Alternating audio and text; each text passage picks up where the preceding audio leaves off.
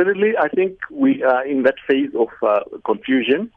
We are not sure what ZANU PF uh, has been able to achieve uh, working with the military. You know, the process, the events in that phase where um, it's difficult to be able to see the woods from the trees. Dr Rupia sê daar is die hoop dat Emerson Mnangagwa Zimbabwe op die regte pad sal lei. Maar sy rol in die geskiedenis is nie silwer skoon nie. Expectation that is going out of the deep frustration and the repression that has been experienced. So perhaps you know any devil will do in other words.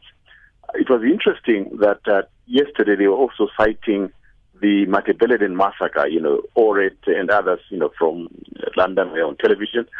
So the history of Mnangagwa is very closely related to the suppression and repression in the country.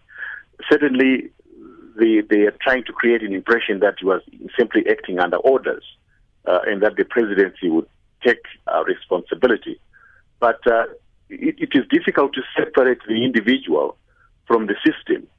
So, on the one hand, we are not dismissing the fact that uh, he has been accused of being part of the system that was undertaking repression. But on the other, I think, hand is that the people were expecting him to become the force of change within the ruling party ZANU-PF.